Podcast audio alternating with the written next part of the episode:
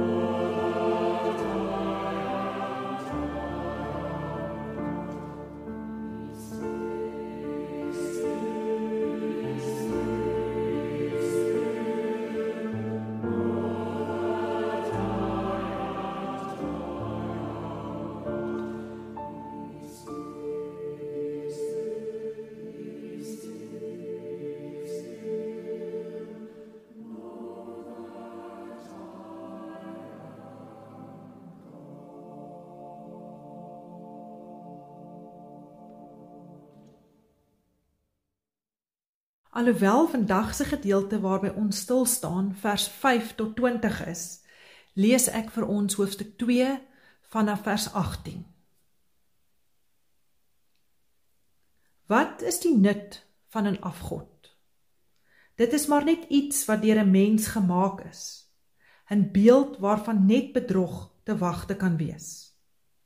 Wat baat dit die maker om op sy eie maaksel te vertrou as hy 'n afgod gemaak het wat nie eers kan praat nie. Elende wag vir hom wat vir 'n stuk hout sê, word wakker of vir 'n dooie stuk klip, staan op. Kan 'n afgod jou iets leer? al is hy met goud of silwer oorgetrek, is daar geen lewe in hom nie. Die Here is in sy heilige tempel. Almal op aarde moet in sy teenwoordigheid stil wees. In vers 5 tot 20 vind ons God se tweede antwoord op Habakuk se vraag aan hom. Hierdie antwoord bestaan uit 5 uitsprake waarna sommige verwys as die ellende uitsprake. Ons kry hulle in vers 6. Ellende wag vir die wat rykdom oneerlik en onregverdig bekom. Vers 9 lees ons: Ellende wag vir die wat ander uitbuit deur hulle geknoeiery. Vers 12: Ellende wag vir die wat mag bekom met moord en onreg. Vers 15. Elende wag vir die wat ander verlei met drank in wellustigheid. Vers 18. Elende wag vir die wat afgode dien. En dan eindig dit met die uitnodiging om op niks anders staat te maak as die teenwoordige lewende God wat ons kan vertrou en vir wie ons in verwondering net kan kom wees. Stil. Sonder verklaringe. Sonder maklike antwoorde. Maar net stil.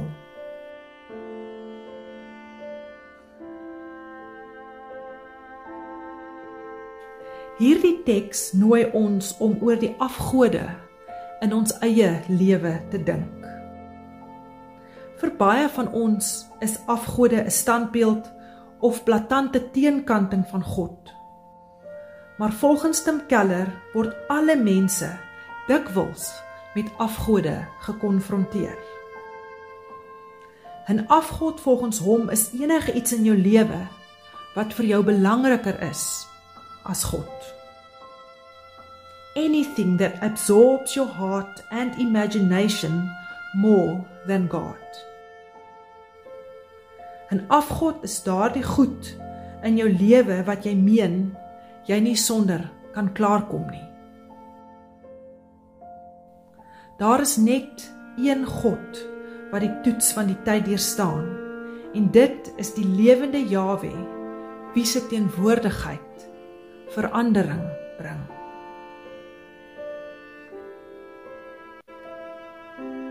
Dink vir 'n oomblik oor die sake wat tans in jou lewe jou gedagtewêreld oorneem.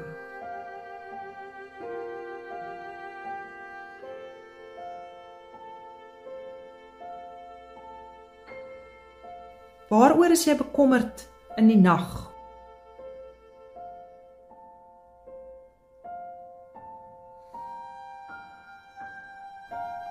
Wat steel tans jou vreugde?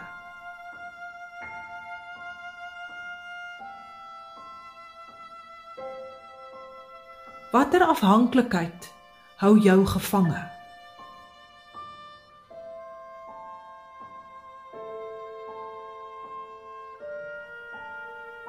Skryf dit dalk ergens neer.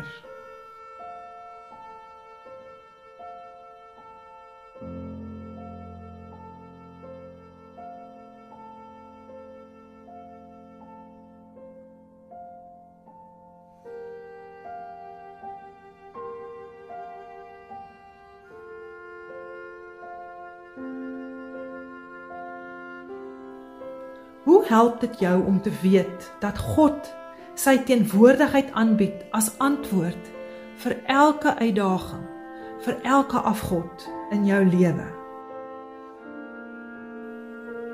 Hy gee homself vir jou en jou uitdagings. Hoe laat dit jou voel?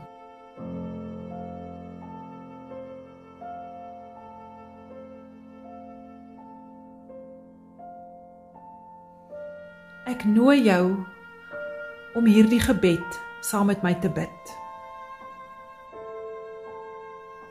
Teenwoordige God, maak my ten volle teenwoordig om werklik aandag te skenk en op te let na dit wat afgode in my lewe geword het. Ek bid vir 'n fyn wakker bewussyn om my eie hart en gedagtes te kan hoor en rig. Help my om te sien hoe ek reageer in my gedagtes, my woorde en dade. Maak my oë oop vir die rykdom van elke oomblik sodat ek u genade kan ontvang wat my lewe kan transformeer.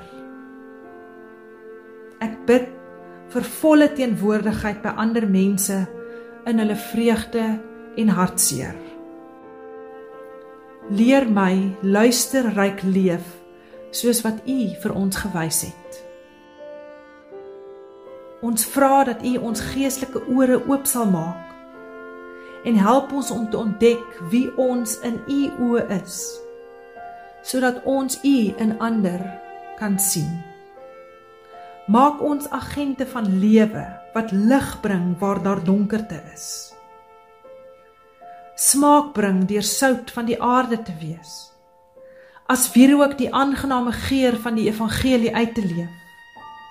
Teenwoordige God, maak ons ten volle teenwoordig.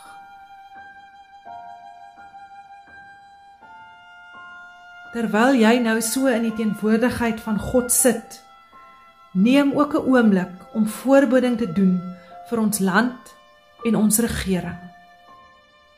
Mag God se teenwoordigheid ook die wysheid en insig bring wat ons leiers nou so nodig het.